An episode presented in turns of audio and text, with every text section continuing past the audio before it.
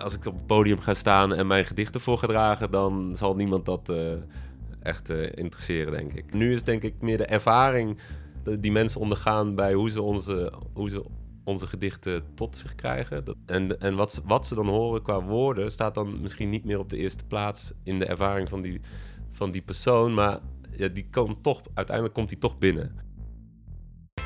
Vanuit mijn schuur ergens in Nijmegen-Oost is dit 0247, de podcast over bijzonder Nijmegen. Met de makers en doeners uit onze stad die Nijmegen kleur geven. Hoe doen ze het? Waar komt hun passie vandaan? En wat kunnen wij van hen leren? Mijn naam is Joris Vermeel en dit is aflevering 31 van 0247. Vandaag praat ik met Jasper Serraris, misschien wel de meest technische poëzieactivist van Nijmegen over hoe hij samen met vriend Maurits uitgeverij Proces Verbaal oprichtte, hoe ze met het belspel en met karaoke poëzie tot leven brengen en over hoe ze daarmee zaadje na zaadje planten. Dat is jouw vorige leven volgens mij. Ja. Want eh, nou, we gaan het over van alles en nog wat hebben. Ik heb altijd een standaard eerste vraag. Ja. Voor de mensen die jou niet kennen, Jasper, wie is Jasper Serraris? Help, eh, help ons eens. Ja, Jasper Serraris is eh, de jongen die hier achter de microfoon praat. Ehm, ja, ik, wel- ik kan zo'n hele biografie van geboorte tot einde doen, maar ik zal gewoon bij het einde beginnen. Waar kunnen mensen jou van kennen? Waar kunnen ze me nu van kennen is bijvoorbeeld eh, ja, de poëzie, proces verbaal. Eh, wat ik samen met eh, een, paar, een paar vrienden doe.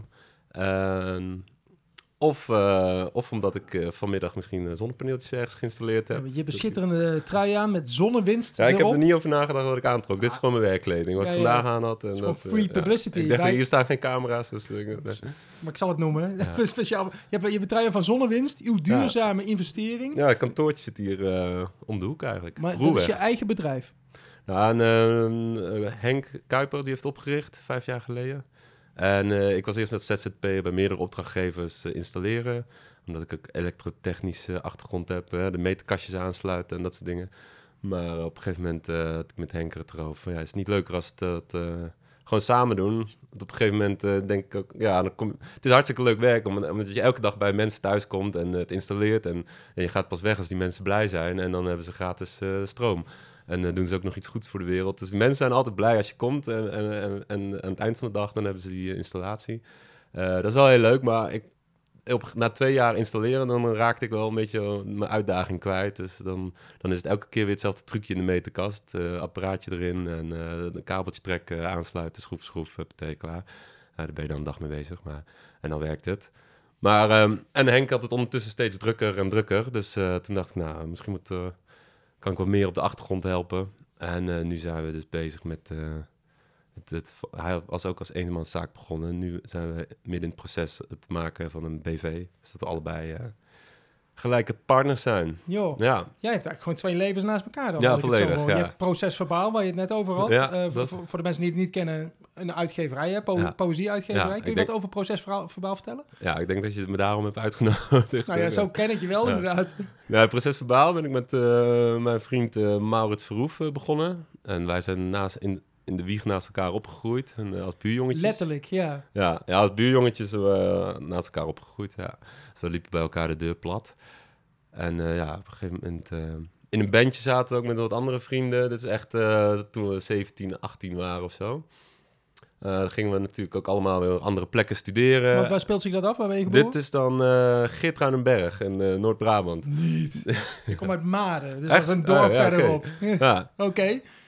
Ja daar, daar begint het. En eh, nou ja, goed, dan ga je verhuis je. En ik heb altijd een eh, leegstaande pannen. In Utrecht kwam ik te wonen in een oud gemeentehuis dat leeg stond. En daar had je een grote archiefkelder. Want je ging daar studeren, hè? Ja. Electronic Engineering and Design. Ja, je hebt eh, voorstudie Zeker. gedaan. Ja, klopt. Ja. En, eh, nou, eerst ging ik te werken in de muziekwinkel. Vandaar. De, Vandaar wist je alles over eh, mijn eh, statieven, ja. ja. Ehm, het was ook hartstikke leuk, maar ook weer na twee jaar dat ik wel weer dacht, nou, weer een nieuwe uitdaging. En eh, was, de de hele dag stond ik eh, tussen de microfoons en de mengpanelen en dat soort dingen. En, de ene microfoon, ja, die is 1000 euro en de andere is 100 euro. En geeft ook prima geluid, maar net niet eh, dat van 1000. Dus ik denk van, ja, waar zit hem dan dat grote prijsverschil voor eigenlijk, ja... Ja, als je het op het eerste, eerste gezicht hoort, dat klinkt een beetje... Eerste gehoor eh, luistert. Ja, dan, ja. eh, dan denk je, ja, waar zit hem die 900 euro dan in? Eh, dus dan, ja, dan moet ik dat maar. eh, dan ga ik eh, elektrotechniek studeren. Dan kan ik dat soort dingen misschien zelf ontwikkelen. Apparaten, effectapparaten voor studio's. Of, of misschien kan ik bij een microfoon of speakerbouwer komen werken. Maar zelfs stage gelopen bij Datec. Dit gaat helemaal niet meer over procesverbaal. Maakt ook helemaal niet uit. Heel leuk. Die maken DJ-mixers, waren in de jaren negentig eh, groot met DJ-mixers. Oké. En die stagebegeleider, die was ook... zo, ja, iemand met eh oudere man en eh, ja, die kon van alles bouwen met elektronica. Dus dat was helemaal, eh, ja, was helemaal hartstikke leuk. Maar ja, dan, ik ga weer een beetje terug naar procesverbaal, denk ik. Maar, want naar Utrecht, elektroni electronic engineering en design, ja, bandje, veel gespeeld. Bandje ging uit elkaar. Ja, dat- ja, je, ja, je raakt elkaar een beetje uit het oog. Verschillende steden, nieuwe vrienden, la la. Ehm, maar Maurits bleef natuurlijk altijd over de vloer komen. Dus eh, teksten bleven nog geschreven worden. Alleen teksten werden dan Nederlandstalig. Nou, dat was een stapel teksten. Wat doen we daar dan mee als we geen muziek hebben? Je had geen bandje meer om het uit te voeren. Ja, dus we hebben wel een stapel teksten, maar geen, eh, geen band. Dan maar een boek. En eh, bij het maken van een boek dachten we, ja, we moeten eigenlijk ook natuurlijk wel iets van een uitgever hebben. Of een logootje tenminste. Dat lijkt alsof er een uitgever achter ons staat. Dus toen hebben we ons eigen uitgeverijtje, of ja, de naam bedacht, procesverbaal. En en een waarom logootje. procesverbaal? Wat is dat dan? Ja, ik weet wat een procesverbaal Ja. is, maar waarom zou je je uitgeverij zo noemen? Nou ja, als het verbale proces, onze, Ah. onze poëzie is natuurlijk ook, heeft ook een bepaalde insteek of, Ja. ja. ja, of een bepaalde visie waarmee je bezig bent. En eh, ik was de, destijds ook wel bezig met eh, tegen steenkool actie voeren en eh, ja, sowieso activisme algemeen, meerdere, op meerdere vlakken. Dus voor mij was dat schrijven ook een vorm van, ja, als ik daarmee lezers kan bereiken die daar anders eh, nooit me- mee in aanraking zullen komen, dan eh, hoeven ze niet, mij niet meteen overtuigd te zijn van mijn idealen. Maar dan heb ik misschien toch weer even een klein zaadje geplant. En eh, misschien dat zo een maand later in de krant weer iets lezen en ook weer een zaadje. Nou, al die zaadjes bij elkaar, dat dat dan een hele ont ja, bij die mensen dan, lezers, eh, een bepaalde ontwikkeling teweeg brengt. Of dat ik daar in ieder geval met mijn schrijven ook aan bij kan dragen. Ja, maar heb je, heb je dat altijd gehad, dat schrijven van teksten? Toen je in Geertruidenberg woonde, was je toen ook al aan het schrijven? En- Eh, nou, voor dat bandje schreef ik dan wel veel, veel teksten. En ik, ik zong ze niet, want eh, iemand anders die zong ze. En die, die, Benjamin van Vianen, en die schreef ook zijn eigen teksten wel. Maar ja, bij mij kwam het er ook uit de pen gelopen. Ja. Daarvoor denk ik niet. Ik was wel met werkstukken en zo dat ik makkelijk schreef. Maar niet dat ik... eh, ambities had om daar... Nee, ik, eh, was, ik ben niet, niet iemand geweest die dagboeken bijhield of zo. Nee. Of, of, eh, of in mijn eerdere jaren al... Ja, maar vervolgens ga je naar. Utrecht om te werken. Dat, Hoe kom je dan in een muziekwinkel terecht? Want dat vind ik dan ook wel bijzonder. Ja, daarvoor had ik in Amsterdam een audioopleiding gedaan. Ah, dus je was Ja. al wel geïnteresseerd in audio. Ja, het is ja, geen toeval dat je bij een muziekwinkel Nee, ik had op mijn, op mijn slaapkamer bij mijn ouders thuis ook allemaal van die kleine oude microfoontjes die je op rommelmarktjes kon kopen en zo. Die had ik dan via een oud mengpaneeltje Oh, en joh. alles naar een mini-jackje mijn computer in. En dan kon ik maar een drumstelletje en een gitaar opnemen. En zo kon ik dan laagje voor laagje alles een beetje op elkaar stapelen. En eh naar mijn middelbare school, dat liep, liep een beetje moeizaam. En toen was er een open dag bij die audioopleiding. En toen reden we terug. Moest ik nog twee jaar aan mijn middelbare school verder werken. Maar toen zei mijn moeder in de auto terug van... ja, als ik het goed heb begrepen, dan kun je na de zomer eigenlijk eh, daar al beginnen. dus toen dacht ik, als, als, ja, volgens mij was ik 16 of 17 of zo. Toen dacht ik, nou, dat wil hij wel, ja. Gestopt met de middelbare school. Ja, door dat naar... gaan doen. Ja, toen was ik daar om 18 of zo klaar, of eh 19e. En toen kwam ik bij die muziekwinkel. Ja. Technische kant. Ja, weer, toen weer die je, ging je naar ja. procesverbaal. Ja. Eh, woonde je toen al in Nijmegen of niet? Hoe, hoe- Nee, hoe nee, ben je hier nee. terechtgekomen Ja, dan? Utrecht en eh, ja, een paar jaar, in, vijf jaar in Utrecht gewoond of zo. Uit een hartstikke leuke stad. En met Maurits kwam dan ook eh, altijd over de vloer. Dus de eerste dingen die procesverbaal ondernam was wel vanuit Utrecht een beetje. Daar, daar stonden we voor het eerst met spullen te sjouwen naar festivals.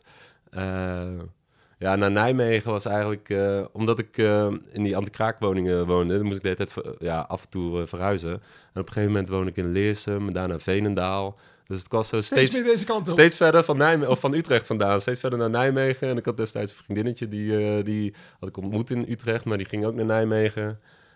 Dus toen dacht ik, nou ja... als ik dan klaar ben met mijn, stu- met mijn studie... dan moet ik maar even keuze maken. Of terug naar Utrecht of mee naar Nijmegen. Ja, toen mee naar Nijmegen. En dat is eigenlijk... eh, nooit meer weg gewild. Is Maurits ook hier terechtgekomen dan? Nou, die twijfelt of hij eh, deze zomer eh, hier naartoe komt. Want die woont nog steeds in Utrecht. Ja, hij, heeft wel eens ook, hij is een keer een halfjaartje hier geweest, dat hij bij mij in huis ook woonde. Een oud schooltje in, de, onderaan de spoortunnel. Mhm. Toen ging het een beetje, ja, toen ging het niet zo goed met hem. En toen een beetje, ja, zo als onder de arm genomen, zoals je dat dan Ja, als vader over je kind zegt. Maar de- dat, die relatie hebben we natuurlijk niet. Maar, Ehm, en heeft hij hier een tijdje in eh, Nijmegen gewoond. En is toch weer teruggegaan naar Breda. Maar nu heeft hij met zijn vriendinnetje zitten ze toch... Ja, Breda is, eh, is eh, gewoon een VVD-stad. En wat hem, wat hem helemaal niet lekker zit. Ja. Ja, en daar is ook weinig, ja, cultureel gezien, echt ook wel veel minder te doen. Maurits, je bent van harte welkom, jongen. ja. Oh, sorry. Hey, we hebben nog niet uitgelegd wat, eh, wat procesverbouw eigenlijk is. We hebben gezegd eh, poëzie, Hmm. uitgeverij. Je had het al wel Ja. even over festivals. Kun je ze uitleggen? eh, wa- want je hebt procesverbouw opgericht om, om jullie boek uit te geven. Ja. Dat was het begin geweest. Op dit moment is procesverbouw meer dan alleen een boek uitgeven. Kun je daar iets over vertellen? Ja, zeker. Ja, procesverbaal. Ja, moesten dat boek hebben. Nou, ISBN-nummertje geregistreerd en zo. Nou, maar dan kreeg je bij een ISBN-nummer, krijg je er meteen tien. Of tenminste, je koopt er meteen tien. Je kan er niet één Dus je kopen. moet nog negen andere boeken ja, maken. dus je moet nog negen andere boeken maken. Dus dat, dat, dus dat boeken maken is, eh, is daardoor altijd wel eh, door blijven gaan. Ehm, ja, op een gegeven moment werd ook eh, gevraagd voor een eh, festivalletje bij Baaiersdorp in eh, Amsterdam. Een gekraakte terreintje Oh ja. naast de Baaiers, eh Belmer Baaiers. Ja? En eh, daar stonden Maurits en ik met knikkende knietjes voor de eerste keer eh, in een huiskamertje. Want het zijn, zijn allemaal oude cipierwoningjes.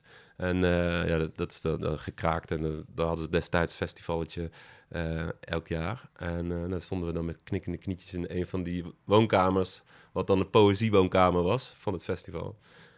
En volgens, En wat ging je daar doen dan? ja, Waar was daar maar gewoon droge gedichten voordragen. Ja, omdat je En daarvan voor- gevraagd was zonder voor, ja, voor te denken. 20, eh, 25 mensen of zo die aandachtig zaten te luisteren. Dus Ja. dat was wel weer, eh, ja, een- ja, weer een hele ervaring. Nog nooit, eh, nog nooit op het podium gedichten voorgedragen en dan Stond je daar toch, opeens. ja, toch al 20 man publiek, hè? Ja, Dat is voor poëzie eh, best veel. ja. maar, eh nou ja, en daarna, op een gegeven moment werd er ook gevraagd eh, via via...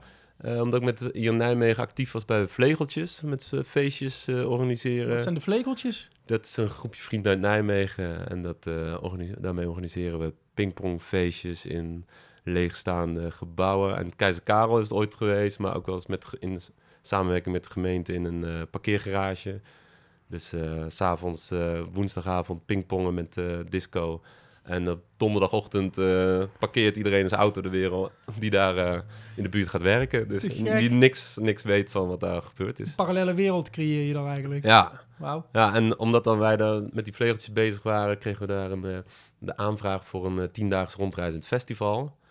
En, maar voor de vlegels was het dan iets minder interessant of zo. Of niemand, ja, minder mensen animo voor. En toen dacht ik, nou, Maurits en ik, misschien kunnen we met poëzie eh, iets doen. Ik, heb, ik had ook een campertje, dus ik denk, nou, we rijden gewoon tien dagen mee.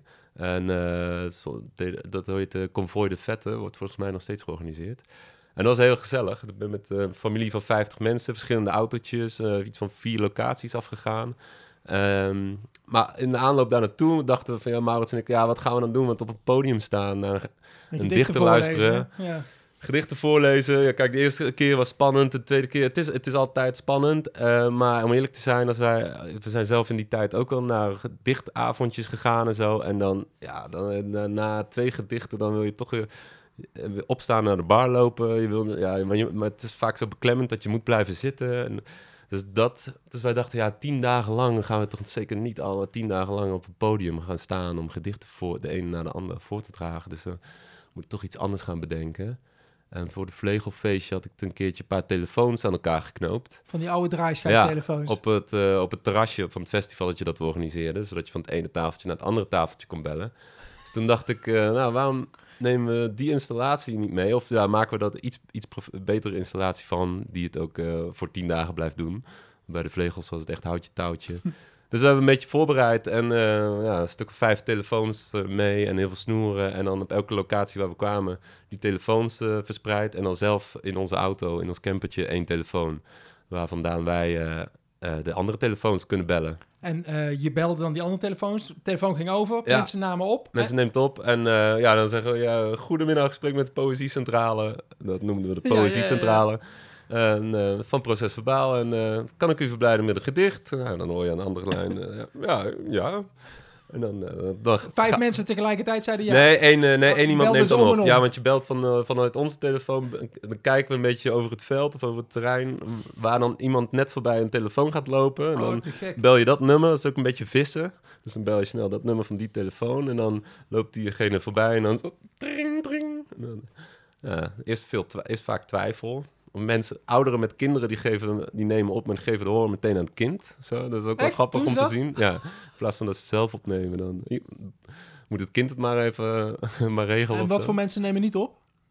Ja, mensen... eh, ja, wat voor mensen... Ik weet niet of het één type is, maar misschien toch mensen die denk, denken dat het dan niet voor hun bedoeld is of zo. Dus Ja.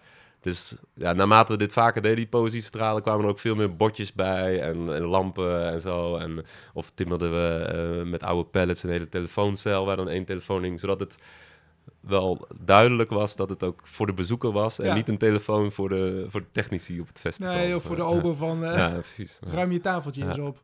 Hey, en, en jullie zaten daar in dat busje. Jullie zaten te bellen. Jullie, jullie zagen je ontvanger in de vechten. Ja, dat is wel heel leuk. Ja, eh, en dan, want de eerste keer, het is natuurlijk gewoon gissen of het werkt, kan ik me zo voorstellen. Ja. Ja, we hadden dan eh, van tevoren bedacht dat we ze ook een keuzeminuutje zouden geven. Dus toets 1 voor liefde, toets 2 voor eh, ja, iets kritisch, toets 3 voor weet ik veel. Nou, dan draaien mensen aan dat schijfje. en dan denken ze vaak nog wel dat het een bandje is. Ja. En dan, ja, dan, dan weten wij natuurlijk niet wat ze draaien. Nee, want het Dus komt helemaal niet door. dus dan, dan zeggen van ja, dan, dan, begint het gesprek bij zo van ja, ja, de spraakherkenning werkt dan maar beter of zo. Dan, en dan realiseren mensen zich van oh, hey, dit is helemaal geen bandje of zo. Het Dan, is live. ja, ja, dan gaan ze ons zoeken, dus dan zie je ze rondkijken. Ja, dan En deed je dan alsof je er niet was? Of zat je... Ja, vaak hield het wel ons een beetje verscholen. Of we hadden die telefoon zo gepositioneerd dat wij wel net kunnen zien. Maar dat je ja, als, als bezoeker op dat festival met honderdduizenden input aan langs alle kanten en prikkels.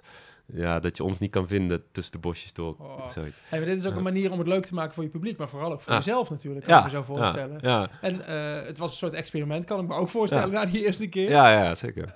Hoe, eh, tien dagen, zei je? Ja. Je kwam thuis en wat, welk gevoel overheerste? ja, toen was het heel, eh, ja, dat was heel leuk. Dus toen kwamen we thuis en dachten we, nou, zullen we volgende zomer eh, eens kijken of we meer festivals kunnen doen.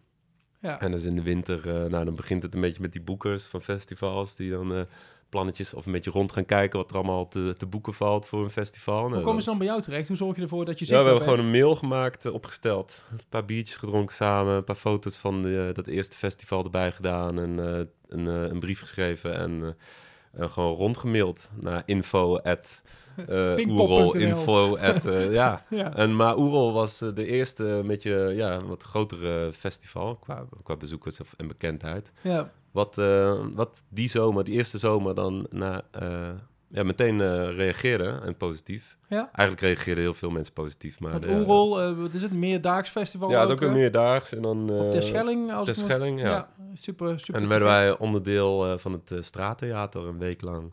Dus dan reden we met ons campertje de straat in. Van het, elke dag je op een andere plek, een Ja. ander dorpje op de Ja. Schelling. En dan reden we daar s ochtends de straat in. En dan verspreiden we die telefoons door die straat heen. En dan, eh ja, smiddags komt, komt het publiek een beetje rondgelopen. En dan eh, is het weer vissen. Dus dan eh, is het weer rinkel, rinkel. En, eh, Ah, daar ja, dat, daar werden, dat was wel echt vermoeiend.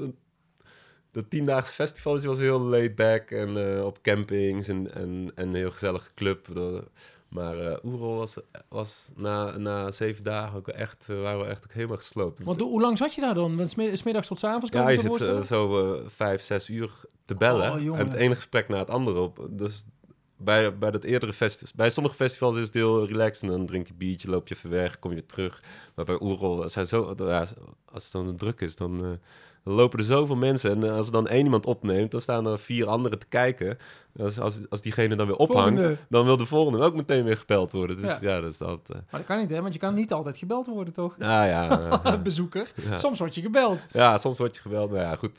Maar het is heel geconcentreerd werk natuurlijk. Nou, je moet wel de hele tijd luisteren. naar- of, want op een gegeven moment, hè, nu vraagt, je begint ook vragen te stellen met die mensen. En of een soort gesprekje. Nou, uiteindelijk komt er wel, wel een gedicht van of, of wat dan ook. Maar op een gegeven moment, je bent toch ook wel veel aan het luisteren naar wat, wat er aan de andere kant allemaal gebeurt van die lijn. Ja. En eh, ja, dus toen- ja, je- ja, als je dan 100 gesprekken op de dag eh, doet, en eh, dat zeven dagen achter elkaar, dan eh dan wel een begint het- begint het bijna op werk Ja. te lijken. Ja. Ja. Ja. door de jaren heen hebben we heel veel festivals gedaan op die manier. En, eh, en dat, ja, het klinkt, dat klinkt heel leuk, maar op het einde dachten we ook wel van, nou, toen was de koek ook na, na drie jaar en elke zomer, elk weekend op pad. Ik denk, nou, dit, kwam die corona, die kwam wel, dat, die kwam in het vierde jaar, zeg maar, waardoor eh, weer wat festivals af, moesten afzeggen en eh geannuleerd werden. En de afgelopen zomer hebben we eigenlijk, eigenlijk ontzettend fijn ervaren dat we geen festivals eventjes Het kwam, het kwam Dus- jullie goed uit. ja, we hebben echt drie jaar lang lopen knallen. En dus deze zomer was wel eventjes eh, een beetje meer terug naar, eh, onszelf. En Maurits heeft weer een nieuwe bundel eh, uitgebracht. eh, We Ja. hebben daaraan gewerkt. Ook nog een andere bundel met eh 13 andere... eh, een bloemlezing met 13 schrijvers over eh, vooroordelen. Eh, dus iets meer terug naar de boeken. En gewoon dingen die je in coronatijd dan eh, kan doen. Ja. En eh, ja, dat heeft ons ook wel weer even... Weer, we hebben ons afgelopen jaar weer even een beetje op kunnen laden. Ja. Na al die festivals. Want, eh, Hey, hey, want ehm, als je een missie moet formuleren hè, voor uh, Proces Verbaal, of in ieder geval hoe onderscheid je van andere eh poëzie-uitgevers, hoe zou dat dan zijn? Hoe zou je dat dan omschrijven? Ja, we zijn eh, eigenlijk een beetje een recalcitrante bende vrienden eigenlijk. Dat, daar komt het op neer. Ja, en hoe uitziet dat? Ehm, nou, bijvoorbeeld kreeg Maurits... We werden vandaag nog gebeld vanwege Maurits een, door Radio 1. Of er... eh, die hebben komende zaterdag een item in Breda. En Maurits is in Breda... eh, die heeft ook een parallel leven. Dus hij is aan de ene kant vuilnisman... en aan de andere kant dichter. En net een nieuwe bundel uit. Oh joh, Dus we werden gebeld... de dichtende vuilnisman. Ja, de dichter en de vuilnisman. Nou, we werden dus gebeld voor Radio 1. Die zocht een dichter uit Breda. En nou, dat klonk natuurlijk hartstikke leuk. Maar uiteindelijk is, toch, heeft Maurits toch nee gezegd. Want het moest dan gaan over eh, corona en fitness. Ja. Oké. Dus Maurits had zoiets van, ja, ik ben geen Nico Dijkshoorn. Of Die op verzoek Ja, even een, eh, ja. een gedichtje doet. Nee, dan... eh, En je zegt een eh, recalcitrante groep vrienden.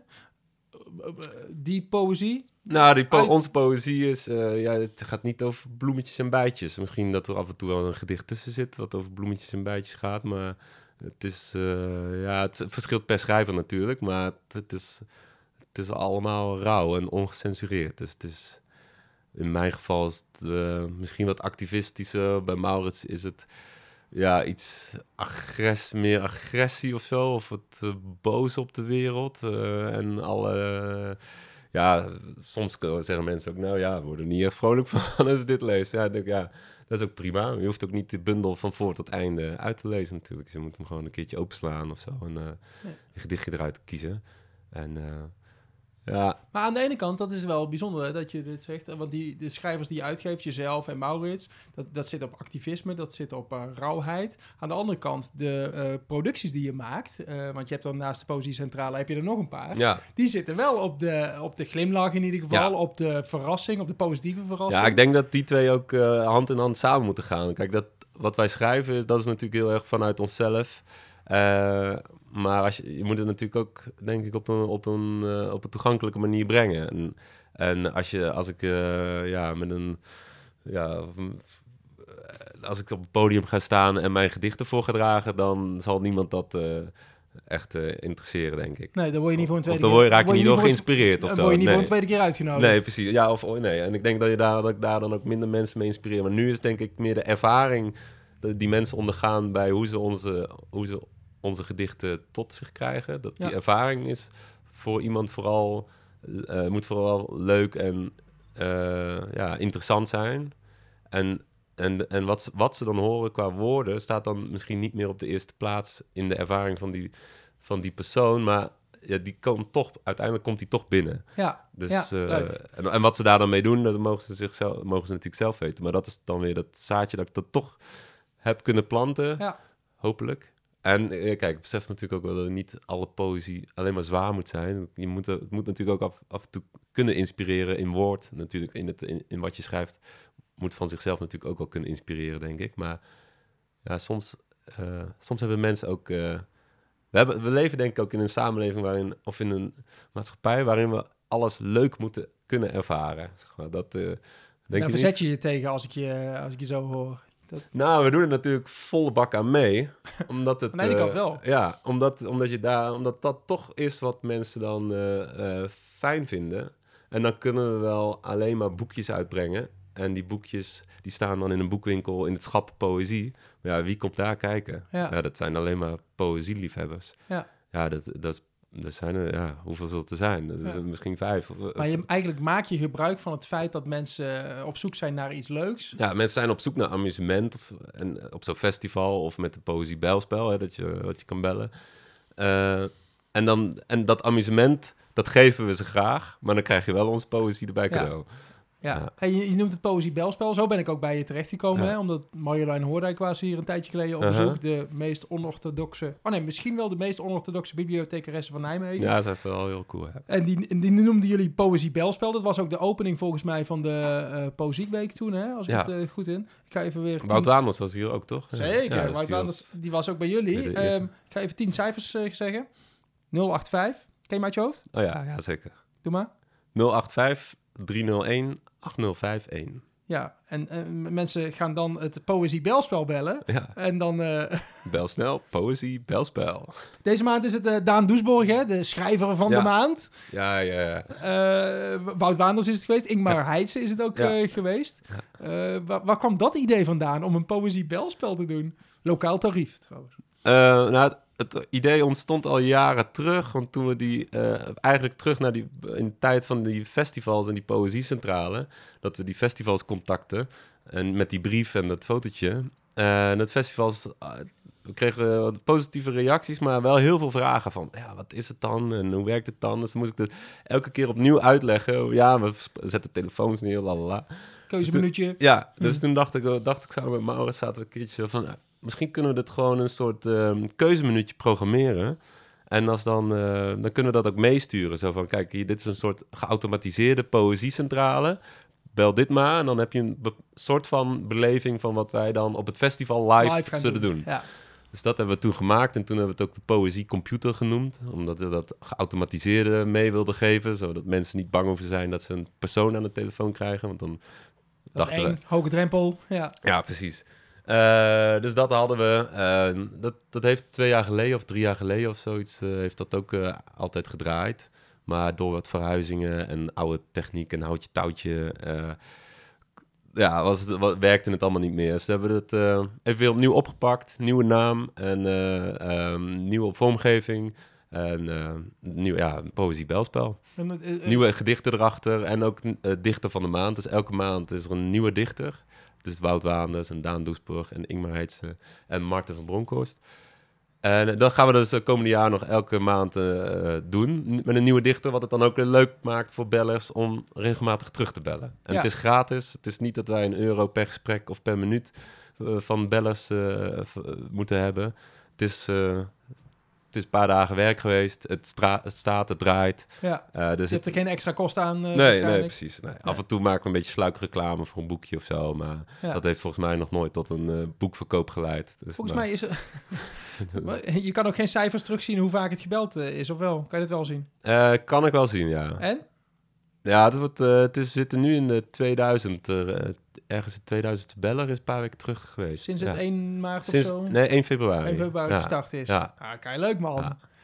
Je kan ook een voicemail achterlaten, toch? Ja, ik kan Als- voicemail zeker. Volgens mij had je er afgelopen week één, of ja, niet? laten, ja, dat sommige mensen, ja, regelmatig eh, dan worden er voicemails achtergelaten. Vaak is het van, eh, dan hoor je op de achtergrond nog wat geschreeuw of, of je hoort van, huh, huh, huh, wat is Ja, dit? dat klinkt als mijn moeder die niet door Ja, heeft dat ze naar precies. mijn voicemail Dat is gaat. eigenlijk- Ja. Denk het vaakst. Maar soms zit er ook een gedicht tussen of, eh, of iets leuks. eh, dat was afgelopen week een, een of andere eh, een reactie. En wat was er deze week dan? De Lex uit? Nou, even kijken, dat was volgens mij dat liedje, hè, wat de afgelopen week... En volgens mij was het een Of- heiger. Oh, die heiger. Ja, die, ja, die kwamen twee kort, die kwamen kort achter elkaar. eh, ja. Oké, maar je had een heiger en een liedje. Wat was het liedje dan? ja, het liedje was ook weer was vol lof. Maar die, ja, die posten dan misschien nog wel een keertje. Dan, eh, want die is dan nog niet gepost. Maar die heiger inderdaad, ja. ja klopt. Maar dat is eigenlijk een manier, zo'n poëzie-belspel. Je zegt, ik hoef er geen geld aan te verdienen. Eh, het is eigenlijk een manier om eh, poëzie tot leven te brengen. Mag je dat zo zeggen? Ja, ja, zeker. Ja. Ja.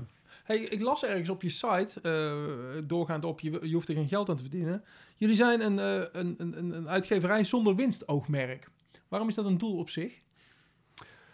Eh, waarom dat een doel? Ja, het is ontstaan vanuit hobby. En ehm, ik denk dat het ook altijd vooral eh, die, eh, die hobby moet blijven. Of, eh, als, je, nou, als je als kunstenaar jezelf echt je brood ermee moet, moet- wil verdienen, dan maak je het jezelf denk ik ook heel moeilijk. En dan ben je, word je ook afhankelijk van subsidies. En, en, en daarbij, dus ook, daarbij komen dus ook veel papierwerk en dat soort dingen.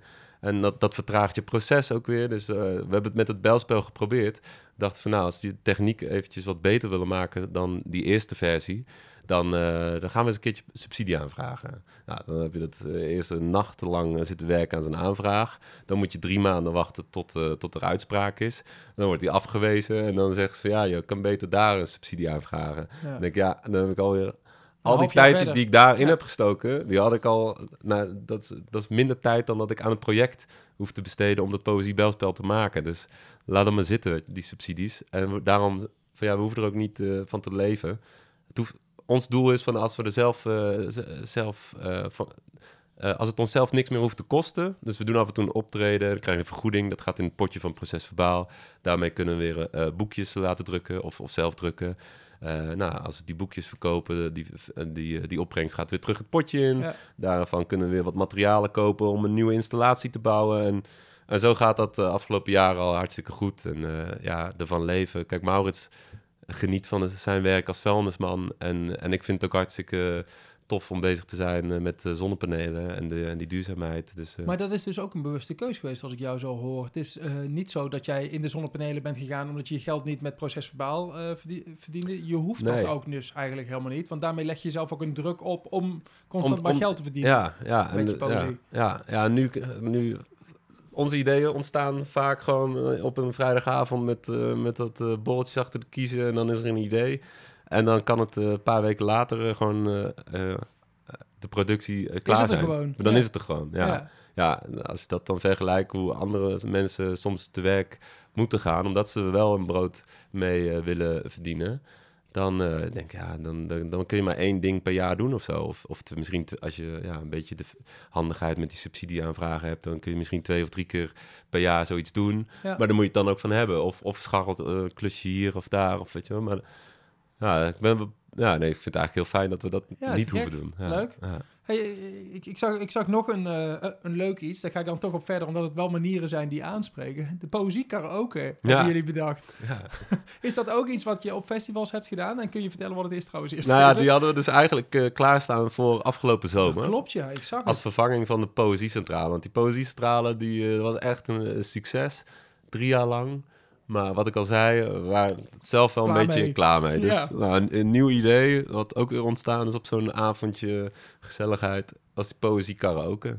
Dus eh, ja, ook gemaakt gewoon maar weer eh, doen. En een paar weken later eh, hadden we dat klaar. Ehm, en dan heb je het één keertje een keer uitvoeren op een, op een feest of een festival. Eh, dit volgens mij de, de try-out in de paraplufabriek in, eh, in, in het café.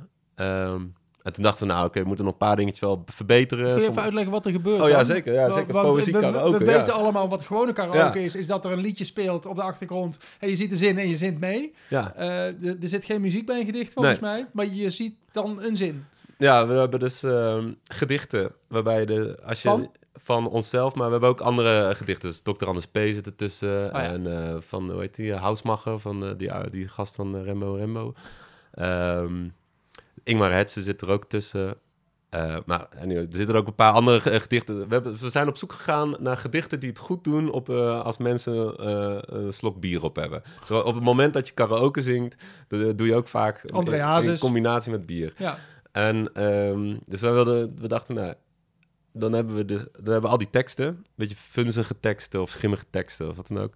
En die krijg je dan regel voor regel op het beeldscherm te zien. Dus een deelnemer, iemand in, in het café of op het festival, die komt naar, naar, naar voren, naar het podium. Uh, ik ben een showmaster en Maurits is ook, uh, heeft daar ook een rol in. Uh, en, maar een deelnemer komt naar voren, die kiest uit een lijst gedichten. maar die kan een gedicht, maar die kiest alleen op basis van titel of achtergrondplaatje. dus we hebben bij elk gedicht een, een gepast achtergrondplaatje uh, gezocht. Doe er eens eentje. Wat voor, wat voor titel zit er tussen en wat voor plaatje Ja, Maurits heeft uh, de titel Dekhengst. En dan zie je twee paarden elkaar dekken. Ja. Uh, Dr. Anders P. heeft dat heen en weer liedje. Nou, we, hebben dat, we gebruiken dat dan even alleen voor de tekst. En dan zie je het veerbootje over het ei ja. achter Amsterdam ja. Centraal ja. op en neer gaan. Maar mensen hebben geen idee hoe dat gedicht gaat natuurlijk. Nee, precies. Dat, dat is het leuke. Want mensen kiezen dus op basis van titel of plaatje. Als je dan dekhengst kiest of veerboot, ja, of heen en weer. Ja, je, kan je krijgt een beetje een idee, maar, uh, maar dan komt de tekst regel voor regel. En uh, je hebt voor jou als, als deelnemer heb je een klein schermpje voor jou, voor jezelf en een microfoon. En, een, en je staat achter een spreekgestoelte waar het schermpje is ingebouwd. Dus jij kan het goed lezen wat er komt. En de zaal die kijkt mee op een grote beamerdoek. Dus die ziet ook wat, tekst wat voor tekst er komt.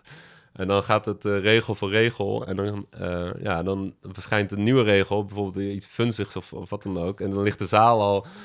Die heeft het al eerder gelezen dan dat de deelnemer het voordraagt. Vaak. En ik kan iets sneller lezen dan voordragen natuurlijk. Dus dan begint het in de zaal al uh, te grinniken. of, uh, terwijl die dichter dan nog met de eerste woordjes van die zin bezig is. En, uh, en dan op, na die zin beseft hij, oh, wat zit ik hier? ben ik hier aan het voordragen? Maar ja, dan moet je wel door. Want, ja, het gedicht... En je hoort het publiek al. Ja, ja het gedicht gaat door. En, maar dat is eigenlijk ja, dat is gewoon onderdeel, ja, dat, dat is gewoon een en al lol. En, en ja, weer die ervaring, dat je dus met elkaar in dat café of in dat zaaltje uh, dat even gewoon beleefd. En de, in de eerste, voor de eerste is het misschien spannend, maar als je vijf deelnemers gehad hebt, weet je, dan, dan komt het een beetje op gang en dan wil, wil iedereen... mensen, ja, zoals ja. bij normale karaoke. Ja, ja, ik, vind, ik, vind, het wel knap, want als je het gewoon... Ik vind het knap dat je zag dat het zou kunnen werken. Want als je het zo aan mij uit zou leggen, dan zou ik zeggen, waarom werkt dit? Maar het is het, mm. het feit dat het in, in, in, in, interactie met het publiek is, ja. dat eerder ziet dat uh, wat jij voor gaat dragen, waarna je er zelf achter komt, ja. daar zit hem de fan. Uh, ja, ja, en de niet. twist, want er zitten ook gedichten in met een twist of zo. Wat, wat oh, ja. Bijvoorbeeld eerst lekker romantisch en uh, kusje of, of, of, kroel, of uh, knuffeltje hier. En op een gegeven moment uh, dat, dat de sperma tegen de muur opvliegt of zoiets. Dus, dus ja, je denkt, kies een leuk romantisch gedicht, maar uiteindelijk... Kom je er na 16 zinnen achter dat het de andere kant op gaat. Ja. Oh, te gek zeg. Hey, je hebt het over een, een zaadje planten. Uh, ervoor zorgen dat mensen op die manier iets meekrijgen. Heb je, wanneer wist je dat het op die manier werkte? Werkt het op die manier? Ik ja, kan natuurlijk nooit meten of het werkt. Maar, en krijg je dat wel eens terug? Nee, maar ik denk dat het gewoon voldoende is om het, om het te doen. en uiteindelijk, ja, dat is wel wat moeilijk om, om dat te meten. Ook met, die, ook met acties of zo die ik dan in, mijn idealistischere jaren mee hielp het organiseren. Dan ja, wat is het effect van zo'n actie? Is heel moeilijk te peilen. Er komen misschien 100 of 200 mensen meedoen. Maar wat het effect op de lange termijn in onze samenleving heeft op, op het wel of niet sluiten van een kolencentrale, ja, dat kun je natuurlijk nooit mee, ja, meten. Je, dus ja, precies. Je hebt, het, je dus, hebt het over een actie is dan een demonstratie of, of, ja, of iets dergelijks. Ja, ja, dat kun je nooit meten. Er zal nooit een, een politicus of, een, of een, een, een, directeur van een kolencentrale zeggen, ja, nou, dat kwam door die actievoerders. Ja, precies. Nee, maar je bent ervan overtuigd dat het op die manier werkt, dus je gaat ervoor. Ja, ja. en niet dat het alleen dit is dat het verschil maakt, maar juist door al die zaadjes en als, als een soort beweging dat te doen, dan, dan maak je het verschil, denk ik. En, uh, ja, dus dus alle, alle, alle eer gaat naar iedereen die, die zich daarvoor inzet. En, en dan uiteindelijk komt er een verandering en die verandering die kun je waarnemen. Maar wat je zelf in, in die, ja, hoe zou je zeggen, in die, in die verandering dan hebt bijgedragen, ja, dat kun je niet, denk ik niet, nooit kwantitatief meten. Dat, uh, Iets is het antwoord. Ja, ja, nee, ja in de elektrotechniek uh, in mijn studie en alles kun je alles makkelijk meten. En in de natuurkunde kun je alles uh, goed uitrekenen en meten, maar dit is... Het tegenovergestelde ja, bijna. Ja. Hey, wat, wat, wat ik wel leuk vind om te horen, we begonnen het eh, gesprek over zonnepanelen, daarna gingen we naar eh, de poëzie toe en uiteindelijk komt het eruit dat, dat die twee bij jou enorm samenkomen, want volgens mij ben jij dan de man die die karaoke in elkaar flanst. En jij, Ja, jij bent ja de man- samen met Maurits eh, zitten we een beetje te programmeren, ja. Oh, Maurits doet dat ook mee. nou, het programmeren, de- het technische deel doe ik, maar bijvoorbeeld die achtergrondplaatjes zoeken of de, of de tekst voorzien van entertjes, daar is Maurits heel goed in. Ieders kwaliteit. eh. ja. Hey, ook leuk om te vertellen. eh, ik heb zo'n phone staan. Die kan ik ook gewoon bij jou kopen. Ja, Eh, zo'n draaischijftelefoon. Dat is ook wel leuk om even te vertellen. ja, het leuk dat je dat gekocht hebt ook. Nou ja. ja, eh, mijn naam was Wil bijzonder. Nee, jij mag hem opdrinken. We zitten heerlijk een biertje te drinken hier. En ja, ik ben niet zo stoer. Het is een heel donker. Wat, wat, wat drinken we? Valdieu? Valdieu drinken we. hè? Valdieu, ja. Grand Cru. Geniet Ja. ervan, Jasper. Nou, dankjewel. Mijn dame was jarig, ik zocht een cadeau, ik kwam jou op het spoor. Ik zag op je website dat je zo'n draaischijftelefoon verkocht. Niet zomaar een draaischijftelefoon, maar het was een draaischijftelefoon met een geheugenkaartje erin. Ja. Eh, kun je vertellen wat er, hoe dat tot stand is gekomen? Want op die geheugenkaart staan, of kunnen, duizend gedichten. Er staan er een stuk of twintig op, eh, denk ik. Ja. Eh, en je hebt dus ook de mogelijkheid om er zelf audiofragmenten op Ja. te zetten. Ja, dat heb je ook nog gedaan, toch? Zeker. Ik heb Ja. de vriendinnen van mijn vrouw gevraagd of ze wat liefs tegen Michelle wilde zeggen voor haar verjaardag. Ah ja, En mijn zoon heeft nummer 808, die heeft ook iets heel liefs eh, gezegd. Hoe, hoe, hoe kwam je op hoe kwam je op dat idee? Was dat iemand die daarna vroeg van, heb je ook zo'n telefoon voor mij? Of? Eh, nou, het idee komt ook weer een beetje uit die poëziecentrale natuurlijk voort. We zijn dan jaren, of twee, drie jaar op een rij bezig en aan het sjouwen met van die eh, telefoontjes. En we moeten zelf ook continu bellen. En op een gegeven moment hebben we ook de poëzietuin bedacht voor festivals. Dus dat, die, ja, dat is dan installatietjes, kle- kleine installaties, op zichzelf staande dingen met knoppen erop en een spiekertje of zo, dat er een gedicht uitkomt. Allemaal een beetje... Zoals met de een- Efteling, zeg maar, een, een, een die paddenstoel. paddenstoel, ja, daar komt eigenlijk, eh, dat is wel een beetje eh, Oh, ja. misschien wel een stiekem inspiratie geweest. Ehm, Geert Ruidenberg is ook niet zo heel ver nee, nee, ik vandaan. natuurlijk regelmatig.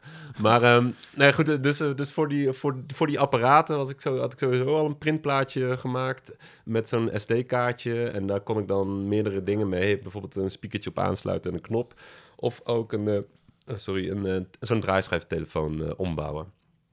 En dat was dan ook, die draaischijftelefoon was ook één onderdeel van die poëzietuin. Dus die poëzietuin is eigenlijk een soort speeltuin die je dan op een festival neer kan zetten. Eh, en dat mensen, ja, weet je, dan zetten we het op vrijdag neer en dan komen we het op zondagavond halen. Dan hoeven wij niet zelf daar de hele weekend aanwezig te zijn eh, om, om te bellen. Eh, dus dat, nou, dat is de poëzietuin en de telefoon is daar onderdeel van. En dan kregen we ook wel eens de vraag van, ja, kunnen we dat dan niet kopen? En zeg ja, natuurlijk, dat kan wel. Dan, maar dan moet ik ja, dan moet het eventjes iets beter maken, nog met een goede stekker eraan en zo. En, eh, nou, Ik heb hem ook zien staan bij de bibliotheek, of Ja. niet? Klopt, hè? ja, Ja, dat ik, hij stond daar heel pontificaal bij de ingang. Wanneer je binnenliep, liep je er tegenaan. en ja. ik keek ernaar en ik dacht, wat is dit? ja, met dank aan Marjolein. Ja, Ja, precies. En nou Ja. staat hij ook bij mij in de huiskamer. eh, Ja, dus ja, bij eh, mij staat er ook nog een. eh, ja. te gek. Maar, Ja. waar, waar koop je die dingen? Zijn die er nog? Ik, ik, ja, ze zijn eh, wel steeds duurder aan het worden op Marktplaats. Ja, Dus dat- eh, tegen vrienden van mij zeg ik, nou, als je er eentje tegenkomt dan, eh, op een rommelmarkt, dan, meenemen. dan, dan neem hem mee.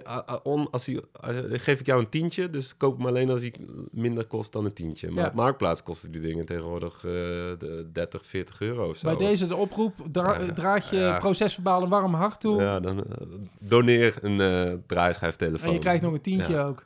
Nou, eh, niet als er dadelijk 100 telefoons komen. nee, dat is waar. Nou ja, nee, Ja. precies. Mooi. Maar zeker, maar daarom is ja, je hebt zo'n groene, ja, die, daar vragen dan 25 euro meer voor. Want eh, die, ja, op Marktplaats zijn die ook al makkelijk 25 euro meer. Ja, Ja, met liefde betaald. ja ik vind het ontzettend leuk dat je doet. Ja. Ja. Hey, ehm, corona kwam en je zegt, eh, nou ja, zonder corona te bagatelliseren, het was een goede timing. Eh, we hadden tijd om afstand te nemen. We hopen dat eh, corona weer weggaat eh, op korte ja, termijn. tuurlijk. Ja. Heb je alweer nieuwe plannen om uit te gaan rollen? Wat, hoe, gaat het met de uitgeverij? Nou ja, eigenlijk die poëziekaraoke, want daar waar we het net over hadden, die ehm, is dus eigenlijk niet echt van de grond gekomen afgelopen zomer. Nee, het Vanwege idee was corona, er, het stond ja. klaar. Dus er stonden een paar festivals geboekt met die poëziekaraoke, in samenwerking ook met Hubert. Ja, vertel eens. Ja, Hubert. Leg even uit wat Hubert is, want Hubert lang is, is eh, Hubert er ja, broedplaats, eh, culturele broedplaats. eh, waar zit het? Bij de, bij de Groene Straat, Ja. eh, daarachter. Ehm Sint-Hubertusstraat is het volgens mij. ja. Toevallig heet onze burgemeester ook zo. eh, Oh, kijk, nou. Ehm, Jouwe ook, hè? Jouw burgemeester. Ja, nou ja, precies. Ons burgemeester. ja, ik moet altijd aan Elvis Presley denken. Eh, Omdat hij, hij- ik heb één keer een foto van hem gezien in de Gelderlander in zijn Elvis Presley pakken. Sindsdien, dat was de eerste keer dat ik iets, een foto van hem zag. En sindsdien kan ik hem, hem ook nooit meer serieus nemen natuurlijk. Maar goed, dat is een ander verhaal. Maar, Maar Hubert is een culturele Hubert, ja. broedplaats. En, eh, die ja, daar hebben we het met die, mensen, eh, met die luidjes eh, raak- ja, raakten we ook in contact. Ook weer via vlegels, eh, een keer een feestje. Of ja, een, een beetje zelf, mensen met dezelfde mindset. En op een gegeven moment, ehm, ze hadden zo'n eh, bus, oude stadsbus, die beschilderd is door Herman Brood. Eh, die ze, waar ze een crowdfund-actie voor eh, hebben ehm, eh, uitgerold een jaar geleden, of, of, of misschien inmiddels wat langer om hem. om die bus helemaal ehm met te restaureren. Want Herman Oh. Brood heeft hem geschilderd. Nou, dat is inmiddels natuurlijk ook weer 25 of 30 jaar geleden. Eh, en, en die tekening, ja, die bladdert langzaam af. Of de- door het eh, zonlicht eh, raakt hij ook zijn kleur kwijt. En zij willen ze hebben die hele bus van binnen en van buiten opgeknapt... dankzij die crowdfunding. En met hun hebben we ook een keertje tijdens de kerstborrel in de eh, die, voor, voor het publiek die uh, poëziekaraoke in die bus georganiseerd. Ja. En dat was eigenlijk ja, gouden combinatie, omdat je dan eh, de deuren van die bus open gaan. Maurits is dan de, de buschauffeur die eh, wat smeerolie uitdeelt, als een soort Jägermeistertjes. en, eh, en ik ben de showmaster eh, die eh, dan eh, de, de, de, de karaoke-sessie een beetje aan elkaar lult. En Maurits deelt iedereen, iedere deelnemer die geweest is, geeft hij een, eh, een shotje smeerolie. Eh, en dat werkte zo leuk dat we met Hubert ook dachten van... kom, we gaan nu dus voor eh, zomer 2021 die festivals aanschrijven... als eh, ja, com combinatiepakketjes. Dus je krijgt die Herman Broodbus op een... wat, wat gewoon al tof ding is om te zien. En in de avonduren dan verspeelt zich daar ook poëziekarren ook in af. En overdag is die bus open en zitten de tafeltjes en bankjes. is- Dan is, is het gewoon een fijne, rustige zijn. ja, plek om te zijn. En s'avonds toveren we om tot uh, karaokebar. En eh, daar hadden we wat festivals mee geboekt staan. Maar die gingen dus eh, in de zomer 2020 niet door. Toen kregen we wel bericht dat dat dan... eh, wel mee, ja, dat we wel in 2021 welkom zijn. Maar we moeten nog even afwachten of dat dan allemaal weer doorgaat. Ja, wat denk dat, je? Want ik ja. weet, eh Down Rabbit Hole is doorgeschoven van begin juli naar eind Ja. augustus. Ik, eh, ja, ik, ik moet er misschien zelf ook actiever achteraan. Maar ik heb eh, ergens in, in januari of zo nog wel eens een- van de een of de andere festival nog wel eens een mailtje gehad. En de- voor hun is ook alles onduidelijk. Dus ja, dat, dat schrijven ze dan ook. Van, ja, we moeten maar even afwachten tot die datum. En dan een klap erop geven of het wel of niet doorgaat. Of, maar nu hoor je weer dat na 1 juli weer van alles mag. Of je hebt die, die testfestivals, hoe heet dat? Eh, ja, Lab, Field Lab. Field Lab festivals. Maar ja, ja, het is allemaal zo onduidelijk dat ik denk dat 2021 met... Ja, misschien zullen er wel wat testfestivals zijn, maar... Ik denk dat wij eh, met de karaokebus uh, Herman Brood eh, 2022 misschien weer komen. En dan, eh, Zijn Ja. jullie op adem gekomen? Jullie zijn er weer helemaal ja, dat sowieso. voor? Ja, nee, ja, precies. Dat is het eh, positieve, positieve nieuws daarvan. Hey, ehm, hoe kunnen Nijmegenaren kennis maken met je werk? Eh, ja, nou is dat moeilijk om ergens iets eh, zichtbaars eh, van je te zien. Op welke manier kunnen ze toch kennis met je maken? Ja, we hebben ehm, een werkplaats, atelier in de paraplufabriek. Ja. Dus daar zitten we vaak vrijdag en, of zaterdag. Wat is dat? Olde Barneveldstraat is dat? ja, van de Barneveldstraat 63A. Dus is een tunneltje van buitenaf lijkt het allemaal heel eh, klein of fiets je er zo voorbij. Maar, je is, mag eh, naar binnen. een grote poort waarboven staat paraplufabriek. Wat leidt door een tunneltje. Nou, loop vooral het tunneltje door als je er nog nooit geweest bent. Want daarachter zit eh, een tatoeëerder, een, eh, een kapper, een eh, pub. Eh, er is laatst ook een, eh, een hummusbar geopend. Oh. Dus, eh, je hebt eh, een expositieruimte. En er zitten meerdere eh, kunstenaars, meubelmakers. eh, ja, er zit, zit, zit van alles. Ehm, En wij dus ook. Ja, en Ja. da- wat zeg je? Je hebt daar een werkplaats? Ja, we hebben daar eh, atelier, werkplaats, kantoor. Het Want is daar staat alle- ook een grote printer volgens Ja. mij. Want eh, Ja. je kan eh, oplages tot 100 kun je zelf printen. Wat, wat, wat Ja. voor printer is dat? Kun je dat We vertellen? hebben een eh, Riso-printer. We hebben er inmiddels drie, omdat ze de hele tijd kapot gaan. Wat, wat, wat Een Riso-printer is een, eh, is een, ja, het zijn, degene, de versies die wij hebben zijn oud, eh, eind jaren 90, begin 2000. Die zijn betaalbaar voor ons. Eh, je hebt ook nieuwere en die zijn waarschijnlijk een stuk degelijker. Eh, maar een Riso-printer maakt een, een, ehm, is een soort zeefdrukmachine. Alleen dan eh, geautomatiseerd. Dus waar, waar je voor zeefdruk, voor het drukken van een shirt of een print, je eigen zeef moet maken met belichten, et cetera. En dan je, je de verven zelf of de inkt er zelf doorheen moet persen of drukken. Dan, in dit geval doet die machine dat allemaal. Dus dan, eh, als die eenmaal die zeef heeft gemaakt voor om één pagina of één print te doen, dan eh, kun je op een knopje eh, 300 drukken en een stapel papier erin leggen. En dan, dan, komen, dan vliegen ze met een paar papiertjes per seconde eh, die printer uit. En eh, zo kun je dus wel eh, in één dag een heel boekje oplage 300 eh, printen. Als hij het doet, hoor ik je zeggen. Want, Als hij het doet, ja. ja, want je hebt er nou drie. We hebben drie, ja, we hebben ooit eentje een A4 gekocht, A4-formaat papier. En dat is eh, die gekocht. En toen dachten we, nou, dan moeten we A3 is leuk, want dan kunnen we ook postertjes doen. En eh, ook voor de vlegeltjes weer natuurlijk leuk. En, en, eh, en je kan opengevouwen krantjes doen op A4-formaat natuurlijk. Dus je kan misschien ook een magazine, eh zijn we ook weer over na aan het denken. met, met, met wat andere luidjes. Ehm, dus A3-machine wilden we. Nou, twee A3-machines gekocht. De ene die was stuk, maar er zat heel veel inkt bij. En, en de ander eh, was werkend en zat geen inkt bij. Eh, nou, die twee, die combinatie eh, is nog steeds niet helemaal werkend. Dus voor Maurits zijn, zijn bundel, die we laatst hebben uitgebracht, hebben we dan toch weer terug naar de allereerste printer die we hebben. En die doet het eigenlijk nog steeds goed.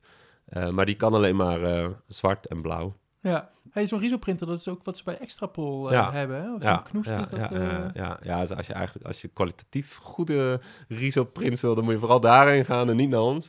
We hebben de kaft van Maurits een boek ook eh, bij eh, Extra Pol gedaan. ja. Maar je vond, dan is het ook gewoon tof om zo'n ding te hebben? Of wa- waar Nou, we- nou, bijvoorbeeld zwart-wit, eh, één laag, want je moet kleur voor kleur doen. Dus je moet, want je, moet net, ja, je, moet, je maakt per kleur een, een laag. Dus je moet één vel papier, als je daar drie kleuren op wilt, dan moet je hem ook Drie drie keer door die machine heen halen. Nou, met die machines van ons, dan, dan zit er eh verschuiven, tussen elke kleurlaag weer een verschuiving van 3, 4 millimeter.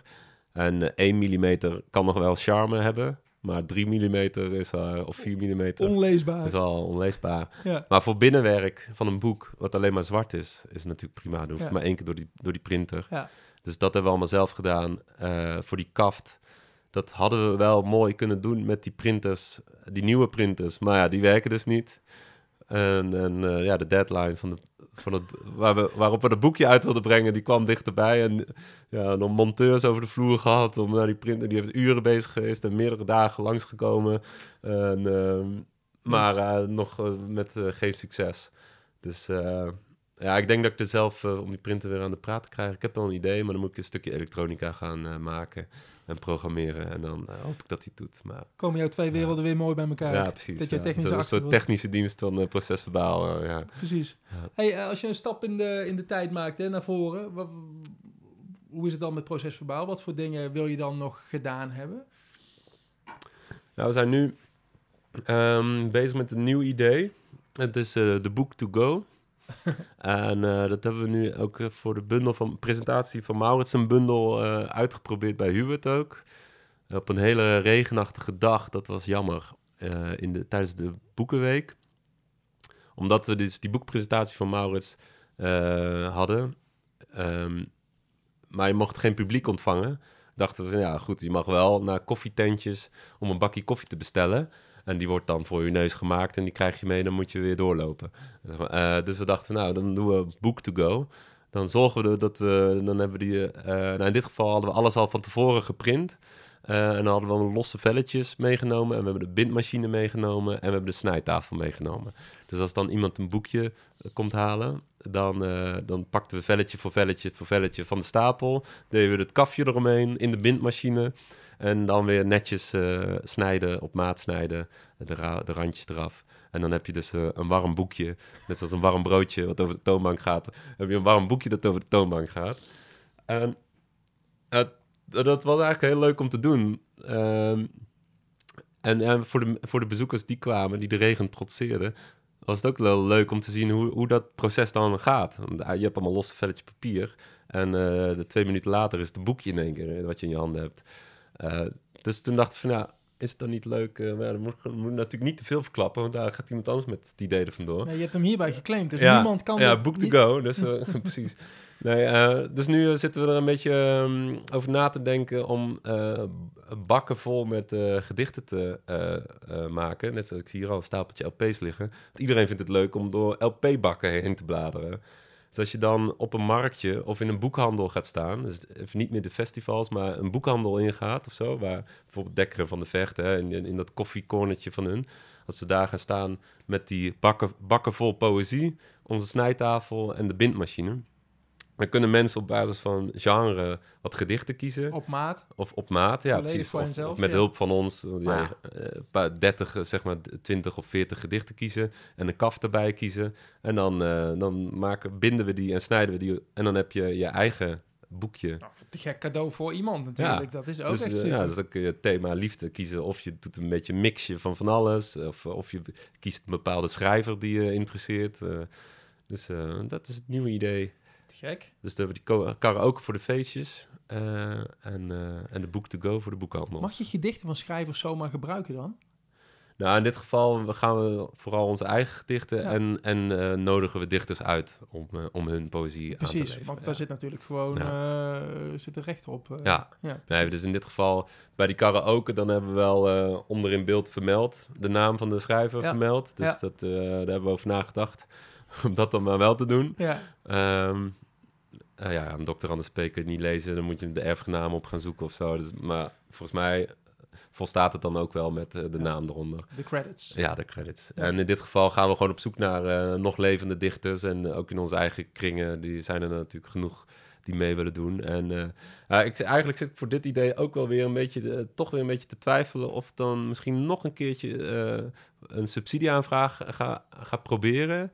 Uh, dan niet per se voor ons eh, om, om daar geld aan te verdienen, maar veel van die dichters die we uitnodigen, wat eh bekende, ook wel weer eh, vaak bekende zijn, of, of soms hebben we er eerder mee samengewerkt, die leven in sommige gevallen wel meer van die poëzie. Ja. En die krijgen natuurlijk continu van die vraagjes, kun je dit even doen, kun je Ja. dat even doen? Ja. En eh, ja, en als, we, als wij dan ook weer eh, degene zijn van, kun je dit weer even doen, dan, dan voelt dat op een gegeven moment, dan snap ik dat mensen op een gegeven moment denken van, ja, oké, nou, eh, leuk allemaal, maar eh dat levert me dan ni- niks meer op. Ja, Ja. precies. Dus, dus dan denk ik, oké, dan is het eigenlijk aan ons als procesverbaal, in dit geval, dat wij, wij, wij voeren deze productie uit.